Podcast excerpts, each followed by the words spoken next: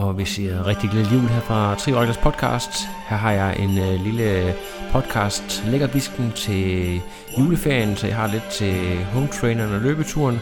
Øh, I dag så skal jeg snakke med Frederik Mejlby om de nye ændringer, der er kommet, hvor KPR-systemet bliver droppet fra 2019-sæsonen. Det skal vi se lidt nærmere på, hvad det får konsekvenser.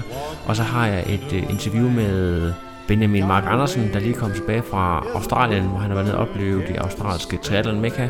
Så øh, der er lidt at se frem til. Og øh, hvis I har lyst til at støtte Tri så husk at gå ind og give en ratings på iTunes.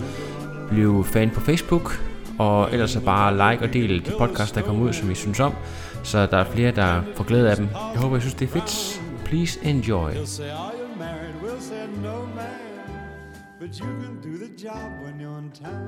Så er vi klar med Trivagters podcast, og jeg har igen ringet til København, hvor øh, min faste øh, medkommentator, når det gælder Ironman og sådan Ironman News, Frederik Mejlby er klar. Frederik, jeg skal lige høre, før vi går ind og snakker nørdsnak, har du fået trænet i dag? Jeg har fået trænet, men jeg er jo, jeg er jo i Jylland, Lasse. Du er simpelthen i Jylland? Ja, over i sommerhuset i, I Silkeborg. Du sidder nede ved, ved, øh, ved søerne? Ja, jeg sidder ved søerne. Jeg har været på turboen. Fremragende. Og du, du skal simpelthen holde jul i øh, Jylland i år? Det bliver nede på, øh, på Als. På Als? Als? Als. Ja, Als. Skal du have tatoveret Als over hals? Jeg skal have Als over hals, og jeg skal ud og, og svømme med... Jeg skal ud og svømme med den lokale svømmeklub. Jeg kan, ikke, jeg kan ikke huske, hvad den hedder. Nej, men det er der, hvor Pets og så videre, de holder til nede. Det er Christian Tatje. Tatje, God ven. Ja. Giftig, giftig ja. herre. Men øh, Frederik, baggrunden for den her lille snak, det er jo, at øh, i dag der er blevet annonceret, at øh, fra 2019, der skifter Ironman øh, deres øh, KPR-system ud, og det var noget, der blev introduceret efter 2009-sæsonen, så vi har haft det siden 2010. Det her med, at, øh, at man ikke bare kunne være sikker på at vinde et Ironman race, for ligesom at, at kvalificere sig til Hawaii. Øhm, og der har også været det her med, øh, jamen, øh, du kender jo hele den her 50 Women to Kona, øh, kampagne har været, det der med, at der har været et bestemt øh, nummeret antal slots, øh, hvad, hvad var det, 50 til herrerne og, og 35 til kvinderne, og det vil man så forsøge at lave om igen nu. Øh, hvad, når du, sådan, øh, du sidder og kigger ned over, over de headlines, det, det er ikke sådan øh, 100% forklaret, men, men hvad der er offentliggjort indtil videre, hvad bider du mest mærke i? Du siger til mig, at du har lavet en lille liste. Ja, altså, øh, så hvis vi starter, så har der jo hidtil været øh, 85 slot på Hawaii plus lidt ekstra til tidligere mester. 35 til kvinderne, 50 til herrene. Nu bliver der 100 slots i stedet for. I stedet for at have et, sådan et pointsystem, hvor man kvalificerer hen over året, så er det mere sådan et slot allocation system, som det vi kender på age hvor øh, vinderen i hvert løb, hos henholdsvis herrerne og damerne, de øh, kommer afsted. Øh, hvis vinderen har et slot, eller vælger ikke at tage imod det, så ruller det, ligesom vi kender det på age Ja. Derudover så vil der være lidt flere slots, øh, i regionale mesterskaber, så Frankfurt, Texas, Sydafrika, som, som vi også kender det øh, fra KPR-systemet, og så vil der være cirka 20 slots, som sådan ligger og floater rundt. Det er mig lidt uklart præcis, hvor og hvordan de bliver fordelt, udover at der bliver nok lidt flere til herrerne end til kvinderne, men, men ikke voldsomt mange flere.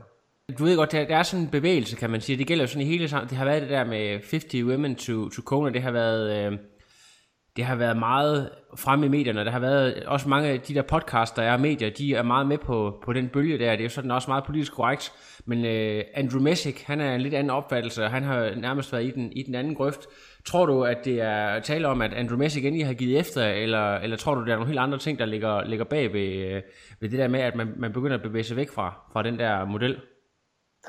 Altså, øh, lad mig starte med at sige, at jeg har jo altid tænkt på Ironmans brandet som en forretning, og ikke en forening, der gør noget, fordi at det nødvendigvis er det rigtige eller mest fair eller så videre. De kigger på, hvordan de kan få mest ud af deres brand, øh, mest som i, i kroner til deres aktionærer, som så mange andre forretninger gør.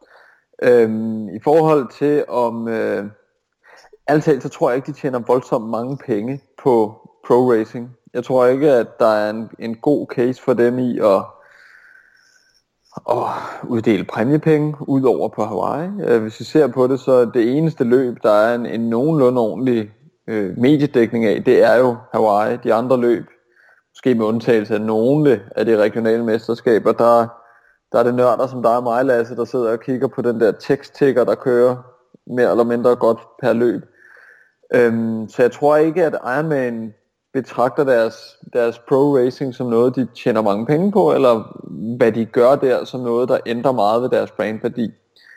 Det betyder egentlig også, at, at hele den her 50 Women to Kona, i min opfattelse, så tror jeg ikke, at det er noget, der betyder meget for Andrew Messick. Selvfølgelig kan det være lidt irriterende, at Michelle triathlon, de brokker sig, men i det store og det hele tror jeg ikke, det er noget, han mister noget nattesøvn over. Og jeg tror sådan set heller ikke, at når de har sat sig ned og designet det her, at det har været designkriterier, at de skulle komme tættere på eller længere fra øh, gender equality, altså lige mange af hvert køn på Hawaii. Okay. De kommer lidt tættere det, men det tror jeg, der er andre årsager til en, en 50 Women to Kona. Men de siger jo også, at, at, at så kan man sige, potentielt, hvis det, det er sådan procentvis i forhold til, hvem der stiller op. Så hvis man nu siger, at der er et, et race, hvor der tilfældigvis er lige pludselig, lad os sige, 50 pro-kvinder og 30 pro-mænd, det vil så aldrig ske i virkeligheden, men i teorien, så, så vil, de jo så, så vil der så være flere øh, slots til, til kvinderne. Er det ikke sådan, du forstår det? Det er fuldstændig rigtigt. Øh, så ligesom vi kender det fra age hvor der er flere slots i de øh, divisioner, aldersgrupper, hvor der stiller flere op, og det er jo så typisk øh, herredivisionerne. Det samme gør sig gældende i, i, i pro-løbende. Det jeg bider mærke i, det er, at der er de der øh, 100 slots totalt. Øh, så vidt jeg kunne læse, så er der 34 løb, der giver slots, og der er fire regionale mesterskaber, der giver øh, slots til podier. Det betyder, at der med det bliver delt lidt over 80 slots ud. Øh, så er der lidt under 20 tilbage, som så bliver lavet med de her floating slots, hvor man kan give flere til et løb. Men altså, det er jo nok svært at forestille sig, at der bliver givet mere end for eksempel fire slots til et løb, hvis det bliver så meget endda. Det, jeg, jeg tror, jeg har ikke læst, at de har offentliggjort, hvordan de gør det. Jeg tror, de vil gøre det for at trække proer hen til løb, hvor de mener, de kan tjene penge på det. Ja. Ved at skabe noget opmærksomhed. Øhm, og derfor så tror jeg ikke, det kommer til at have det store impact. Altså, så i, hvis man så forestiller sig, det maksimale er fire slots i et løb, så kan det så være tre herrer og et kvindeslot. Ja.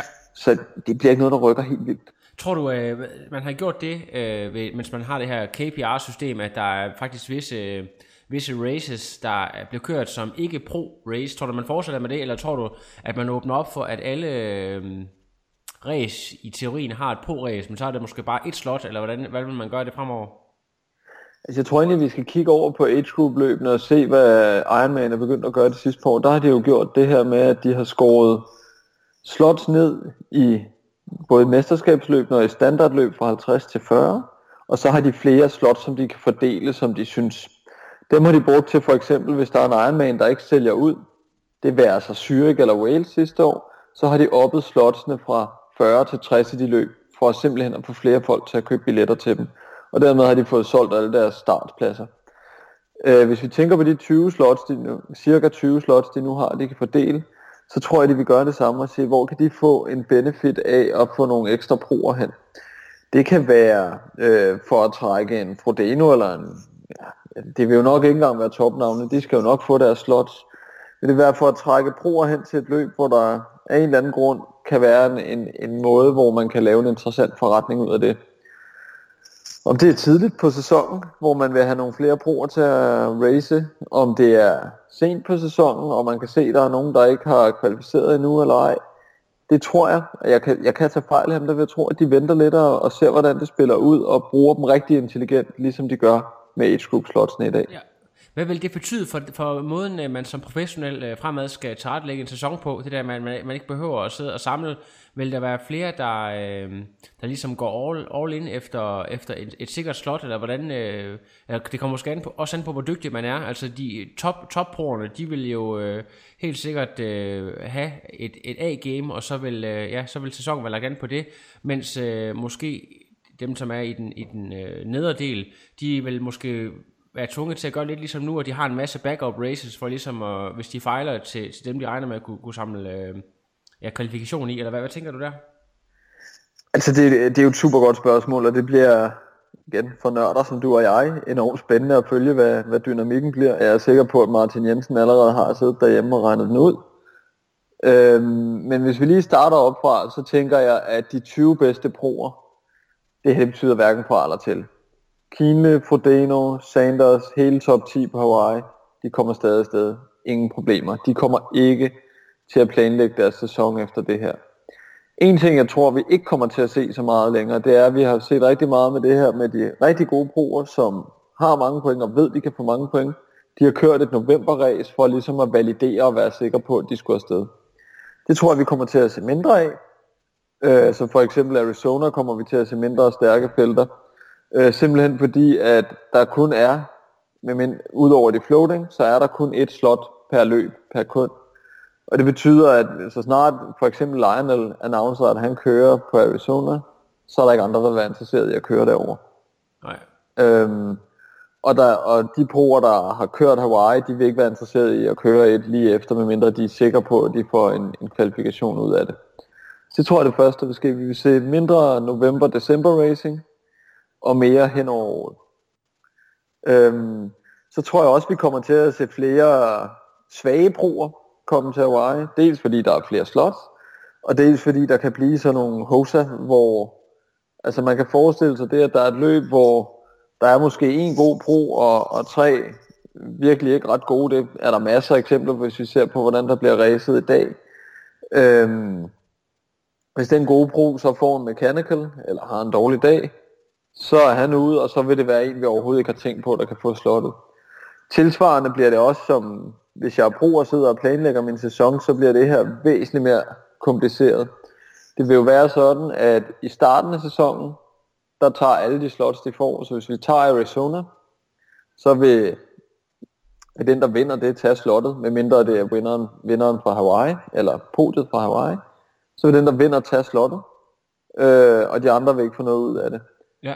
Senere på året vil det så blive sådan, at der er der jo nogen, der har de der 20 gode proer, de har fået deres slots, øh, og det, enten så kører de ikke, eller hvis de kører, så lader de den rulle, og så skal man så som mindre god pro prøve det løb, og hvis det ikke lykkes, så skal man så sige, hvad er det næste løb, jeg vil prøve, hvem tror jeg kommer til det løb, tror jeg, jeg kan slå dem eller ej.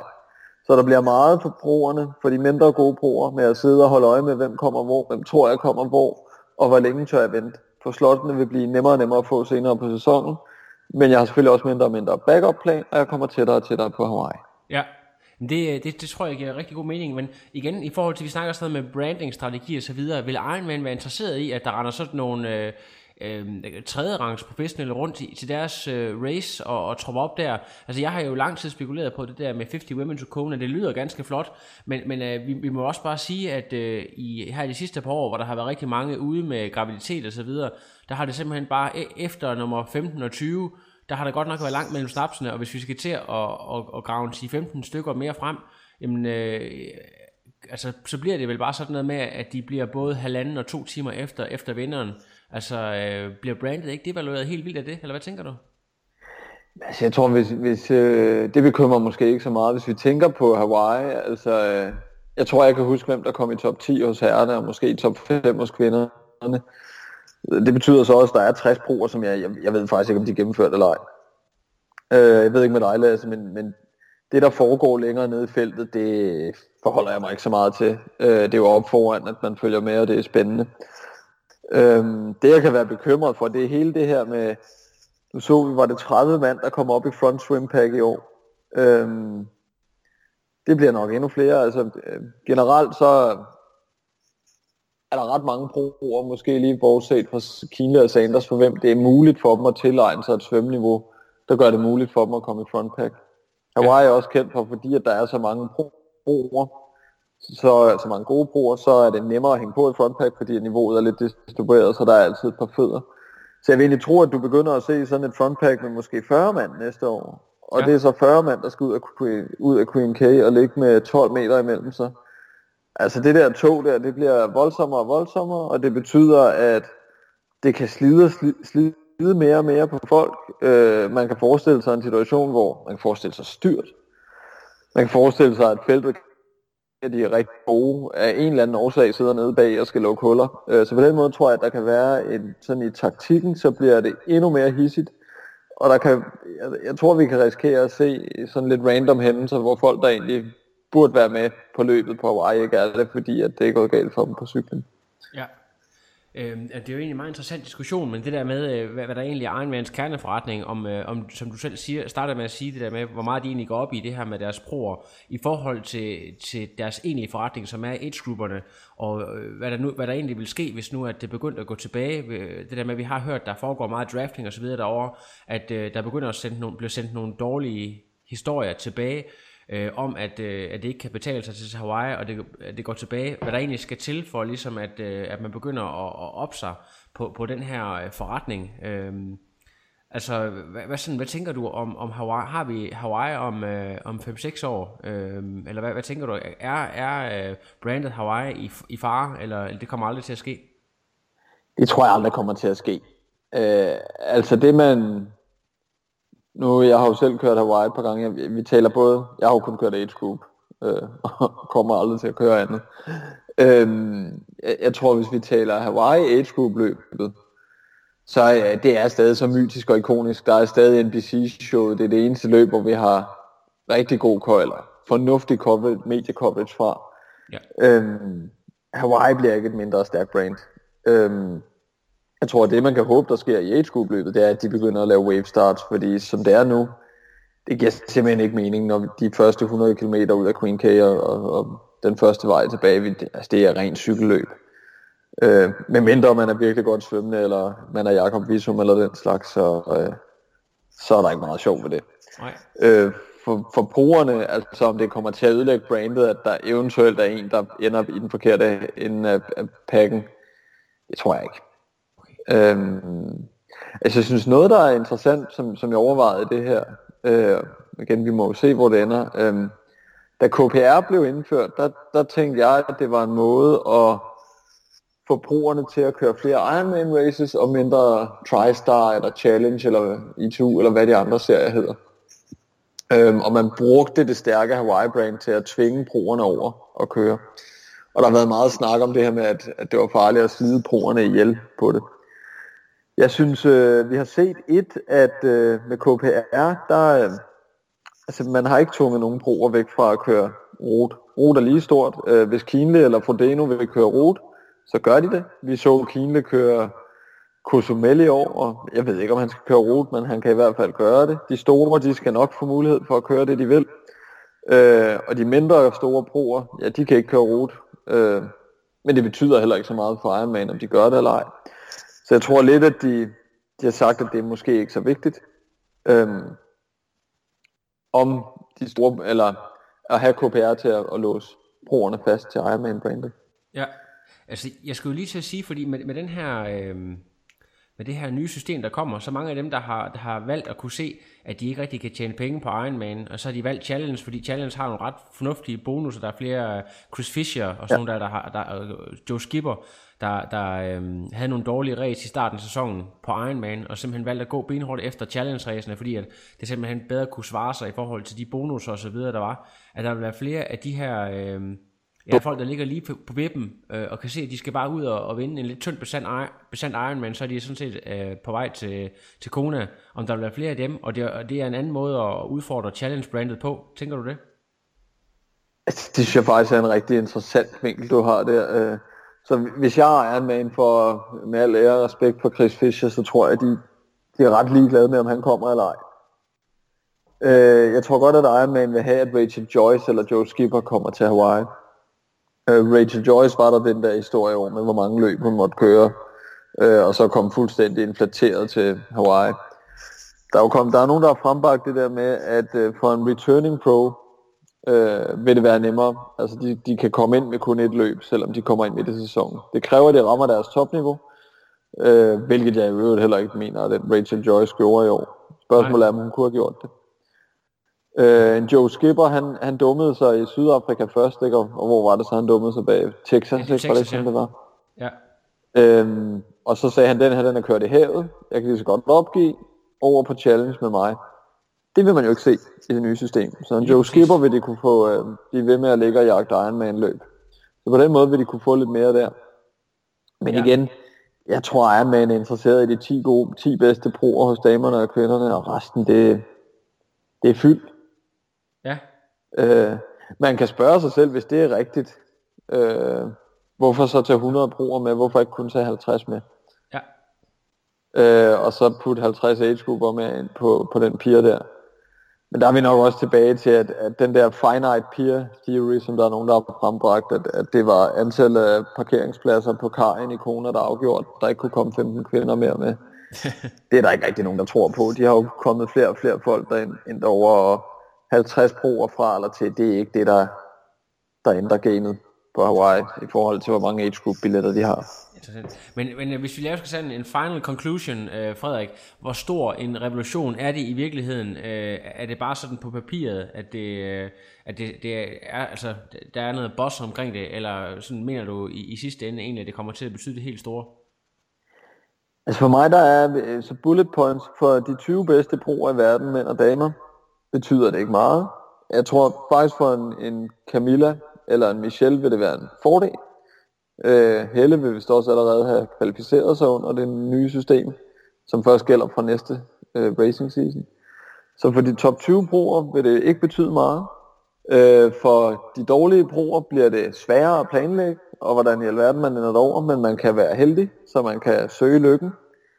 Øh, og så tænker jeg også, at det viser, at Ironman sender lidt et signal om, at det er ikke mellemgode og dårlige broer, de går efter, og det er ikke dem, de tjener deres penge på, og de er ikke voldsomt interesseret i, om de er på Hawaii eller ej, og hvordan de kommer derover. Fantastisk. Og dermed så øh, rapper vi op fra den her lille snak, men øh, vi vender selvfølgelig tilbage, så snart der måske kommer noget mere øh, fyld, eller lidt mere dybtegående omkring, hvordan det her kommer til at virke, øh, om, øh, om det kommer til at gælde alle race i hele Ironman-serien. Der var selvfølgelig også 70, 73, hvor der er så nogle øh, specifindigheder omkring, men det kan vi jo lige vende tilbage til, når vi, når vi ved lidt mere om det. Det tager vi i forårssæsonen.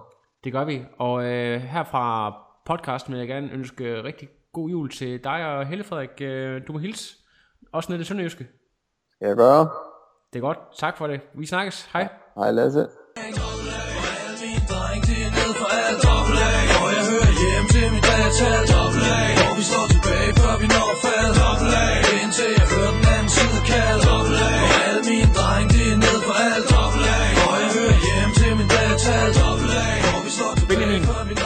Øh, velkommen til podcasten. Du, øh, du er lige nærmest ud af flyet fra Australien, hvor du har været nede i, er det fem måneder? To, to måneder. To måneder, ja, undskyld. Det, nu kan det være, det er mig, der er jetlag ja. i stedet for dig. Benjamin, hvordan fik du den vanvittige idé, at du skulle til Australien? Du er jo øh, du er sådan kendt for at være sådan en upcoming guy på, øh, på den danske triathlon scene, men øh, du skulle lige to måneder til Australien. ja, tak. Øh, jamen, jeg var, jeg var afsted sidste år øh, til Australien sammen med, med to gutter her fra, fra Aalborg for at deltage i, i VM derovre på, på halv jernmanddistancen. Faktisk noget eller samme sted som, som, øh, som jeg var afsted i år. Øh, så det var faktisk, det var sådan der, jeg fik øjnene op for, for stedet og, og miljøet derovre. Øh, og så, ja, så, så, så skal jeg, øh, hvad hedder det, starte på, jeg starter på, på studie her fra, fra februar, og så, ja, så tror jeg bare, jeg fik lige at, at tage, tage afsted og komme lidt hjemmefra, inden jeg skulle, skulle starte på det. Og, Fedt. Benjamin, og var, var Benjamin hvad, skal, hvad skal du nu læse? Ja, fysioterapeut. Fysioterapeut? Som, som alle de andre talenter herhjemme. Ja. Ja. Men en, der, der er to muligheder. Enten så er det skolelærer, eller så er det fysioterapeut. Så er der i hvert fald også tid til at træne. ja. Det er godt. Øhm, jeg skal lige prøve at høre, øhm, du, vil lige, du fortæller lidt om stedet der. Prøv lige at beskrive lidt af miljøet der i. Er det, er det Nusa, det hedder, eller hvor er det henne? Ja, det er, det er det i år. Sidste år rejste jeg til, hvad hedder det, Molulaba, øh, hvad hedder det, det ligger lidt, lidt længere sydpå, men kun sådan en, en 30 km, 30-40 km syd for, for Nusa. Jeg kan jo se, at øh, du blandt andet mødtes med en øh, ven af podcasten, Belinda Granger. Var der andre sådan øh, yes. kendte personer, du, øh, du bombede ind i? Øh, jeg bombede ind i Pete Jacobs også, i, i Nusa. Sådan. Øh, en, af de, en af de første dage, jeg var dernede. Ja. Øh, op. Og faktisk her en af de sidste dage, stødte jeg lige hurtigt på, på Frodeno også. Han var på vej til, til, til svømmetræning, og jeg var på vej ud at cykle med en, uh, en tidlig morgen, morgengruppe. Så altså, fik du lige autograf, eller fik du lige mulighed for at tage ud og svømme lidt med ham? Nej, han kom bare forbi hans Mercedes, der lige er dyttet og råbte, råbte rej til os. Rej til os alle sammen. Øh, ja, det, jeg har faktisk godt se på Instagram, at han var på vej derned, øh, så det, jeg, jeg havde faktisk også overvejet, om, om du fik mødt ham, men det gjorde du så, kan jeg forstå. Kan du lige prøve at beskrive yeah. miljøet dernede, også i forhold til det, du kender herhjemme, og hvordan det er anderledes øh, at være triatlet i Australien? Jamen det er bare, altså, det er simpelthen, altså, al, altså betingelserne er bare spot on dernede. Det er, det er sådan, altså, jeg tror også bare, altså miljøet i, i Nusa er sådan, er bare helt fantastisk, fordi det er sådan, altså der er ikke, det er sådan, det er nærmest, det er kun triatleter, altså atleter og nærmest, altså pensionerede, der bor der, og så lidt turister. Ja. Øh, så der, så der er bare, man har bare frie tøjler til at gøre alting, og der, du ved, der er ikke så meget trafik, og der er ikke så meget, det er simpelthen bare fantastisk, og vejret det er bare virkelig, virkelig fedt, hele, nærmest hele året rundt. Øhm, lige nu her begynder det at blive, blive sådan lige til den, til den gode side, øh, og der er nogen, der begynder at klage en lille smule over, at det bliver, det bliver for varmt og, og for fugtigt og sådan noget der, men, men altså, men det er simpelthen bare, det er bare fantastisk, og der, der er alt, altså du har, du har den fedeste strand, og det fedeste, det fedeste ocean at svømme i, øh, til, til åbenvandstræning, og du har den, den fedeste pool, øh, åbenvandspool, øh, og, og cykelterrænet cykelterræn er også bare helt fantastisk. Du kan cykle ud langs øh, kysten, hvis du vil have noget, noget lækker asfalt og bare en, en fantastisk tur. Øh, og du kan også cykle ind i landet, øh, og efter ja, en, en halv time eller sådan noget, er du, er du inde i landet i det, de kalder øh, Hinterland, hvor der bare, du ved, både er, er lidt, lidt bjerg og, og lidt hårdt terræn, og, og sådan, det er simpelthen bare, det er simpelthen bare for, for vildt. Det lyder legendary. Øh, Benjamin, sådan det, det, det, det generelle niveau, altså kan man sige, hvis du tager et udgangspunkt i dig selv, som er sådan en, øh, i den rigtig gode ende af age grupper, som der ligger lige, lige til at kunne gå over, og måske også klare sig på pro-niveau, hvordan øh, sammenligner du dig med, med sådan øh, de andre? Er der mange flere gode at træne med, eller er det sådan øh, lidt blandet, lidt ligesom herhjemme? Altså jeg tror, problemet med det tidspunkt, jeg tog derover, det var, at, at mange af, af proerne jo, som plejer at træne derovre, sådan øh, op mod Hawaii måske, og den slags, de, de var jo lige taget, taget til Hawaii, og måske havde lidt off-season efterfølgende og sådan noget, ikke? også? Så, så det har været sådan lidt, der har ikke været så mange øh, gode folk at træne med derovre. Så, så det har været sådan meget, de, de, sådan, de hårde ting har jeg sådan gjort lidt for mig selv, og så har det været mere sådan de sociale ture, jeg har, har trænet sammen med nogle af de andre, som måske har været lidt, ikke helt på, på samme niveau, men, Okay. men ja, Jeg skal lige høre, deltog du i nogle konkurrencer? Var der, havde du en, et, et par konkurrencer, du, du kørte derovre? ja, jeg deltog i, i Nusa Triathlon, som jo er den, fortalte de mig, den, den største, øh, eller det største triathlon på, på OL-distancen i, i vist hele verden. Okay. Så det var, Ja, det var, det var en, en virkelig fed oplevelse. og hvordan gik det? Det gik, det gik okay. Altså, jeg, jeg ankom den 17. oktober, og stævnet var den 5. november. Så jeg havde lige de der, de der tre uger til at, til at komme over jet, jetlag og så videre. Øh, men det, det, det var der virkelig også behov for. Altså, det var virkelig, da jeg kom, det var som at blive, ja, som at blive slået, slået, slået i hovedet med en hammer. Det var ja. simpelthen, ja, fugtigheden, og det er simpelthen bare, det var helt, helt vildt. Øh, så jeg synes sådan, jeg nåede lige sådan at blive, at blive klar til det, selvom det var, det var tre uger efter. Så, men, men jeg synes, jeg synes det gik, det gik godt. Det gik, det gik rigtig fint. Igen, det- altså anderledes for mig at, og hvad hedder det, at race i de betingelser.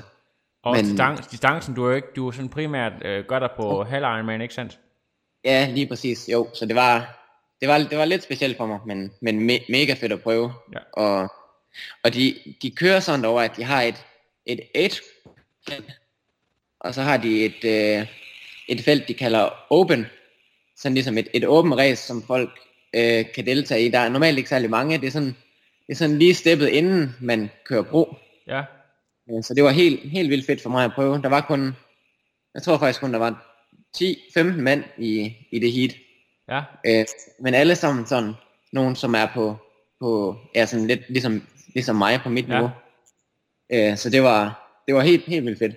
Ja. Ja. Øh, så det var sådan, sådan lidt, lidt en stor gruppe, der ligger og battler lidt hele vejen. Øhm, og jeg ender som, som nummer 4 derovre, ud af Ja. ja. de ja, 10-15 mand, der var med. Så Det, det, det Så lyder det var- i forhold til, at, at det er så, altså det er lidt svært for os her i Europa at forstå, men, øh, men jeg ved, at Nusa Triathlon, det er sådan noget, der har været, det har måske eksisteret i, i 35 år eller sådan noget. Det er virkelig en klassiker. Og hvis Ja, man lige placerer sig godt der, øh, blandt øh, så mange gode navne der, så er det altså, øh, så er det fordi, man kan noget. Det er der slet ikke nogen tvivl om. Jeg skal lige høre, hvis du sådan lige skal nævne nogle ting, øh, du kan tage med dig hjem til Danmark, øh, sådan du har fået ud af enten nogle, øh, en måde at træne på, eller en måde at tænke på. Øh, er der så noget, du, du sådan særligt vil fremhæve? Mm, øh, igen, altså det har været sådan lidt, lidt specielt det der med, at jeg ikke sådan, jeg har jo ikke fået trænet med nogle af de, sådan, de helt gode øh, professionelle derovre, så det har været sådan, igen, jeg har kørt lidt mit eget, når jeg sådan har, har kørt hårdt på, øh, men, men det fede derovre, det er, at de, de træner simpelthen, de træner så tidligt om morgenen, at det, det giver slet ikke, det giver slet ikke mening at gøre herhjemme, så, så det, det er måske en ting, der er lidt svært at tage, tage med hjem, Ja. men, det, men det er virkelig, det er virkelig fantastisk, de der, de der cykelture, de har, som starter klokken ja, 5, halv 6 om morgenen, hvor man mødes en, en gruppe og cykler en, et, et par timer med lidt intensitet på, det er simpelthen, det er bare fantastisk, og så er man, så er man færdig der klokken, klokken 7.30 og, og kører sammen ind på en, en lille kaffebar og får en kop kaffe og sådan noget, inden at man kører hjem, og nogen, nogle enkelte tager på arbejde, det er ikke ret mange, øh, og andre tager, tager, tager hjem til deres, til deres familie igen, og sådan noget. Ja. Det er simpelthen, det er virkelig, det er virkelig fedt. Så, så man, man får lige træning overstået, inden dagen egentlig begynder. Ja, nemlig. Det, det er helt, helt fantastisk. Ja, det, øh, det lyder også uh, pretty awesome. Men uh, nu, nu laver vi lige podcasten her lidt omvendt rækkefølge, fordi at uh, nu uh, tog vi det, som, uh, som der lige har været som det første, men egentlig så burde vi have kørt en introduktion af dig, uh, fordi at uh, selvom at uh, vi er mange nørder, der godt ved, hvem du er, og du har ligesom slået dit navn fast med nogle resultater, så skal vi jo lige gå lidt tilbage, fordi uh, Benjamin, du, uh, du kommer jo fra kampsportens verden. Kan du lige prøve at fortælle om, uh, hvordan uh, sådan din sportslige opvækst har været? Øh, jo, øh, altså ja, kampsport har været en, en stor del, stor del af mit, af mit liv, teenage, teenage liv, men jeg startede selvfølgelig som, som, ja, som alle andre herhjemme med, med at spille lidt fodbold, øh, som, ja, jeg tror jeg spillede, spillede fodbold i den lokale fodboldklub her i, i Skalborg, fra jeg var, ja, 8 til jeg var 10 år, eller sådan noget. Øh, øh, og det var ikke, det var ikke lige, det var ikke lige mig, så så det, det, var, det var mest for det sociale og sådan noget der. Øh, og så øh, da jeg stoppede der, så fik jeg øjnene op for taekwondo.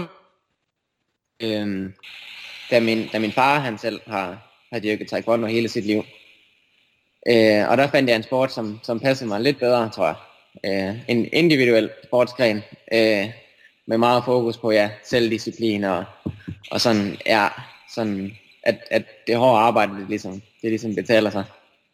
Øh, I forhold, til var, taekwondo, ja, I forhold til taekwondo, det er også meget sådan, øh, altså en, øh, en konkurrencesport, kan man sige, øh, og det, det er karate også, og nogle øh, andre, men, men det der med, med meget stævner og så videre, er det sådan, at du har gået meget til, til, til mesterskaber og så videre med, med, med sporten? Nej, altså, jeg har faktisk ikke været til, til så, så hulens mange, mange stævner.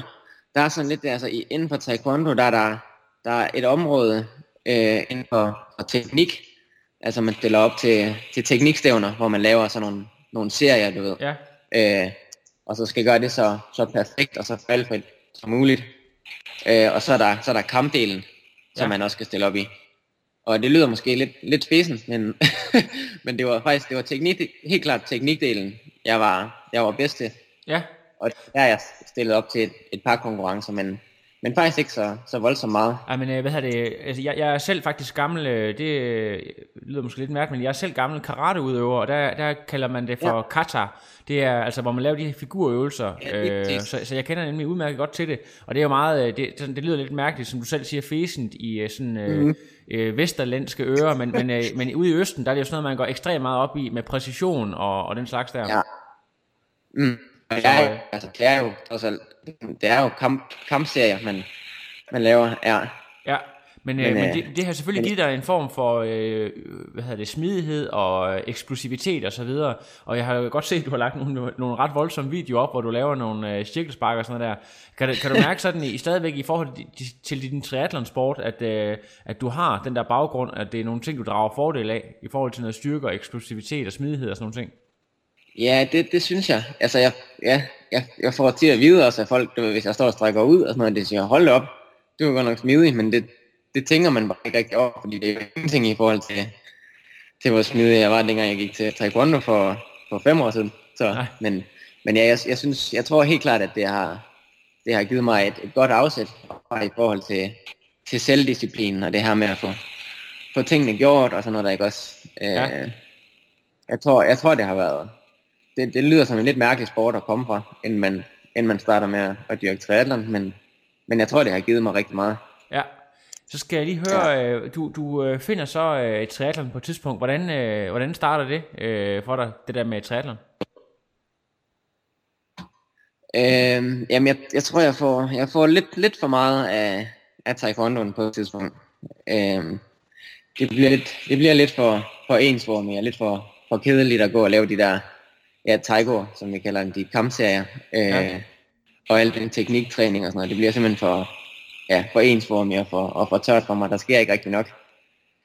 Øhm, så så jeg, jeg har nogle, nogle kammerater, som, som løber en del, øh, og som lige var begyndt med noget, noget triathlon, og igen min far også der, øh, som havde lavet en, en Ironman, og havde dyrket noget, noget triathlon øh, i hans senere år. Øh, så jeg prøvede at give det et skud, bare sådan lidt, lidt, lidt alene, og, og du ved, tog, tog i, i svømmehallen et par gange om ugen, for at se, om, om jeg kunne finde ud af det, og, og start, jeg havde løbet lidt sådan, ja, gennem hele mit liv, også, også øh, mens jeg gik til taekwondo.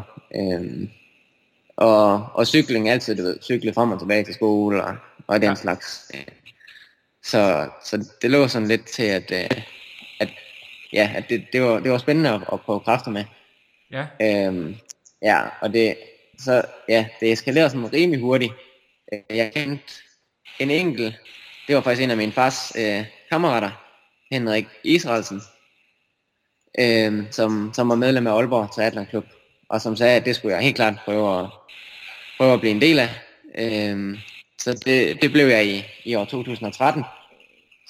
Øh, og faktisk også øh, øh, det år, hvor jeg lavede min, min første øh, triathlon, nemlig i, i Aalborg, den, den halve distance, som også var DM dengang.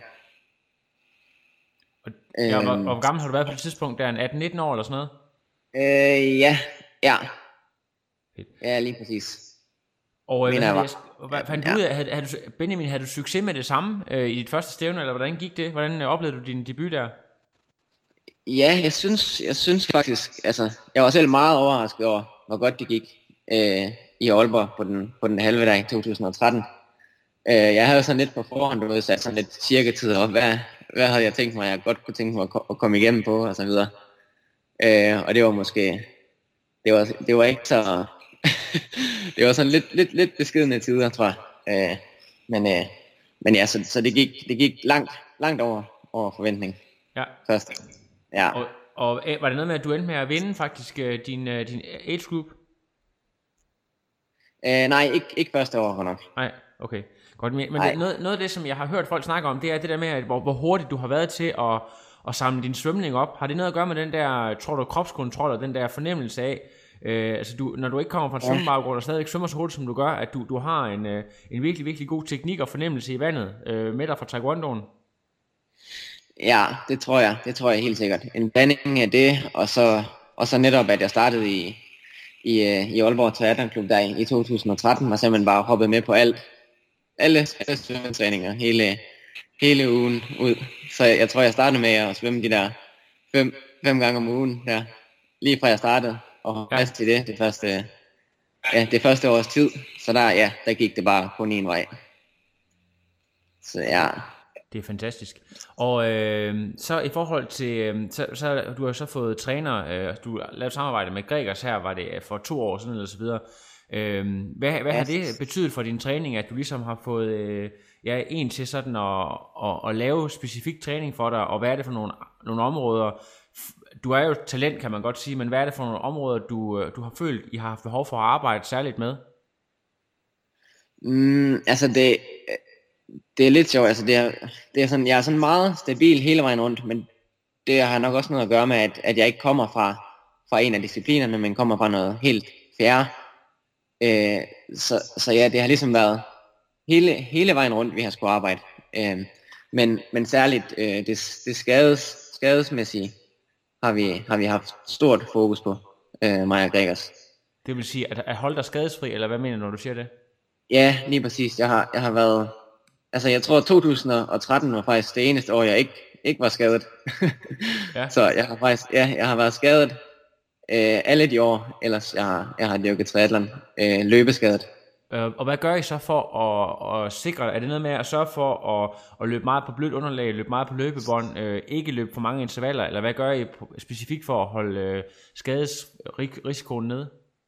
Nej, altså det, ja, det er meget, meget styrke, styrkebaseret, og meget, meget fokus på, på styrke, og, og ikke, for, ikke for meget intensitet her hen over vinteren.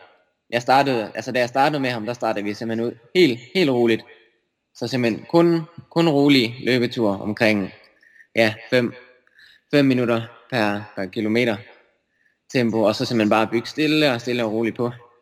Øhm, med, med volumen, og, og derefter stille og roligt med lidt mere intensitet og så videre. Så det har, vi har simpelthen bare bygget det stille og roligt op, og så haft virkelig meget fokus på, på, på styrke, øh, for at forebygge, forebygge øh, skader og gøre mig, gøre mig stærk nok til, til at kunne løbe noget mere intensitet og en større volumen. Og, og udover det, så øh, jeg var jo lige øh, op i øh, Svendstrup nu her og besøge Recover Fit Claus derop. Øh, ham ved jeg også, at du har arbejdet sammen med. Jeg har set nogle vilde videoer, hvor du ligger og laver nogle, øh, nogle helt yeah. øh, specifikke øvelser. Kan du prøve at fortælle om, øh, om jeres samarbejde og hvad det har betydet? Ja, det har også været, det har virkelig, virkelig haft, haft stor betydning for mig. Jeg startede med ham, jeg kan faktisk ikke helt huske, det var, det var ikke så voldsomt lang tid efter, jeg startede med Gregers. Øhm, jeg tror, det var i, i foråret her i, i år. Øhm, men ja, det har betydet virkelig meget, også fordi, at han, altså det har været sådan nogle, sådan nogle lidt små trælskader, jeg har døjet med. Det har været akillescenen, og det har været øh, svang, svangscenen under foden, og, og sådan nogle, ja, sådan nogle små, små ting, som bare gør, at man ikke kan, kan, ligesom kan give den en ordentlig, en ordentlig skalle og gøre det, som man gerne vil. Øhm, ja. Så han har ligesom kunne, kunne hjælpe mig. Nu, nu, er vi, nu er vi begyndt at, at køre det her øh, specifikke funktionelle styrketræning, som du også har været vidne til at, ja. at se. Øhm, og ellers så, så holder han bare det her nede samtidig øh, ved at give mig en tur med den her K-laser og give mig lidt akupunktur og så videre. Så han har simpelthen formået at, at holde mine, mine skader i, i fuldstændig i skak de sidste, de sidste år her øh, med hans, hans metoder, øh, samtidig med at, at vi prøver at, at bygge kroppen stærkere, så at, at jeg på sigt gerne skulle, skulle helt kunne undgå at, at få nogen som helst øh, drillerier dernede omkring. Fedt. Så skal ja. jeg lige høre, i forhold til, nu, øh, nu begynder 2018 at nærme sig meget, meget kraftigt. Øh, er, er det planen, at du kører pro fra, ja, fra, fra, det her, fra den her sæson, eller hvordan, øh, hvad, hvad, har, hvad er der på, på kortet, han har sagt? Det er, ikke, altså, det er ikke helt besluttet endnu. Jeg har, jeg har snakket med, med Gregor om det en lille smule, men øh, man har faktisk ikke snakket med ham her omkring næste sæson endnu, så det, det, det er lidt sent, men, men, men jeg skal snart lige have, have et, øh, et kald igennem til ham her. Nu er du bare den, den, den første, jeg, jeg fik kontakt til efter min, min hjemkomst. Så. Ja, jamen selvfølgelig Trioraklet er, er den første, der ligesom griber ud. Når, når, jeg, når, jeg, når jeg spotter, at nogen er øh, aktiv på sociale medier, så hiver jeg fat i dem. Øh, ja. Så det, det, er jo det er mit brand. Det er mit drug, Frank. Det er mit drug. Godt, hvad hedder det? Jeg skal lige høre, ja. øh, hvad hedder det, men, men øh, bliver, altså, du har ikke kørt Ironman endnu, og du er også ung endnu. Regner du med, Ironman, det ligger ikke sådan lige i kortene. Du, du satser stadigvæk på at gøre halv Ironman de næste par år. Ja, helt klart. Stadig halv Ironman, og så måske nærmest hopper lidt, lidt tilbage til noget OL-distance også. Ja, øh, fedt. Ja, for Men øh, jeg ved da i hvert fald, at øh, DM i Herning, det må, det må være et af de stævner, som, øh, som du har sat kryds ved. Helt klart, ja. Godt. Helt klart. Så, ja, vi, så, jeg, jeg har også snakket med, med Gregers om, at, at næste år, også fordi jeg starter på, på studie samtidig, du ved, så det er lidt en farlig kombi, men så, så vi har snakket om, at, at det formentlig bliver, bliver fokus på de danske elitestævner, øh, frem for at, at, øh, at køre som pro øh, ude, i, ude i verden. Øh, det, det tror jeg, vi venter lidt med. Ja. Så der, igen, der er jo masser, der er masser af, af konkurrence for mig på, på den danske elitescene, så, så det, det tror jeg, det, det vil være et godt sted at starte for mig. Helt sikkert. Ja, nu lige, hvad hedder, jeg har lige to spørgsmål. Øh, ja. Det første, det er, øh, hvad hedder det, sådan øh, favorit træningspas, nu, nu, ved jeg, nu kommer du ned fra varmen, men øh, sådan for en mm. typisk dansk vinter, øh, favorit træningspas, du vil dele med tre række lyttere?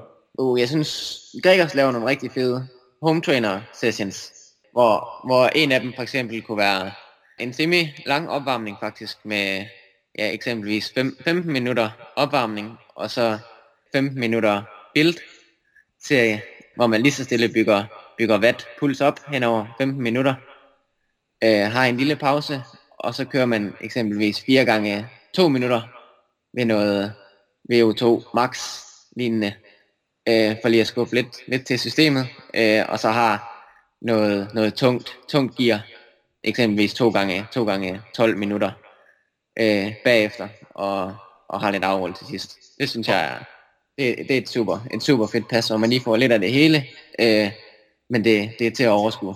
Og er det så med heavy metal i ørerne, eller hvordan, øh, hvordan, hvad gør du, mens du kører, eller er det bare sådan, hvor du sidder og kigger ind i, i, i en øh, fuldstændig bar væg, eller hvordan? Øh... Ja, faktisk begge dele. ja. jeg, plejer, jeg plejer simpelthen bare ja, at fyre op for lidt, lidt musik, og så, øh, ja, og jeg, jeg bruger ikke, øh, jeg har ikke brugt Swift endnu. Nå, men så, det skal du til. Ja, det kan godt være, at jeg skal til at kigge lidt på det, det tror jeg. Ja. Men nu har jeg jo selvfølgelig lige kottet, kottet et par måneder af Swift-sæsonen herhjemme, så, så ja. men, men ja, det er, nok, det er nok stadig en, en god idé for mig lige at, at tage, tage et kig på. Jeg tror, det gør det lidt sjovere.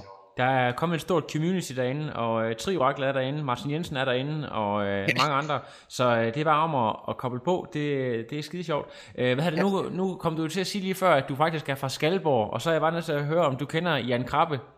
Øh, Jan du, Krabbe. Uh, kender du figuren Jan Krabbe? Det er ham der med de, de piv uhyggelige historier fra drengene fra Angora, der kommer fra Skalborg. Hvad siger du? Vejgaard. Ja, det er, sådan, det er en del af Aalborg, som åbenbart hedder Vejgaard. Det, er så langt væk. Fra hvor du bor, eller hvad? Ja. Hvad var det ikke i Aalborg? Du skal helst bo i Skalborg. Jeg vil kun have en, der bor i Skalborg. Nå, ej, jeg har faktisk... Jo, altså, jeg ved godt, hvem han er, men jeg kender ham ikke sådan personligt, nej. nej. Okay, nå, jeg skulle lige høre. Det kan være, at jeg kan lave et eller andet, klip et eller andet med ham ind over din, uh, din podcast. Det, jeg, yeah. jeg havde, det, den kreative proces, den er allerede i gang, mens vi snakker. Uh, Benjamin, uh, tusind tak, fordi du lige vil uh, bruge en, uh, din jet-lag ramte krop på at snakke med mig. Ja. Uh, du skal have fortsat uh, god held og lykke med at, og ja, at få, få udvilet og få pakket din cykel ud. Jeg håber, den er kommet safe frem. Ja, heldigvis. Selvom, selvom det blev en, en dyr fornøjelse, godt nok. Nå, hvad, hvad skete der der? Ja, men jeg, jeg fløj ned med, med KLM, og fløj hjem med, med Etihad flyselskab. Så, så de, de tager nogle lidt andre priser for at få, få cyklen med hjem. Så jeg kom med med 650 dollars for at få cyklen med hjem igen. Hold da kæft. Og det, de står jo der, så man, man har sådan en cykel til, der måske har kostet 40.000, og dermed... skal, skal ja, nemlig. Man, så, man, så det, var, det var lidt af en overraskelse, men, ja. øh, men nu er den hjemme. Ja, så det, det er godt. Ja. Perfekt. Men øh, ja. Benjamin, fortsat god dag og god jul. Ja, tusind tak lige måde. Det var en ære at være med. Ja, altså. men øh, altid, og vi snakkes nok ved i løbet af sæsonen, gætter jeg på. Ja, lad os gøre det. Godt, hils i Aalborg. Det skal jeg gøre. Hej hej. Hej. No, I am done. Another. Now it's, I'm done. I have no power.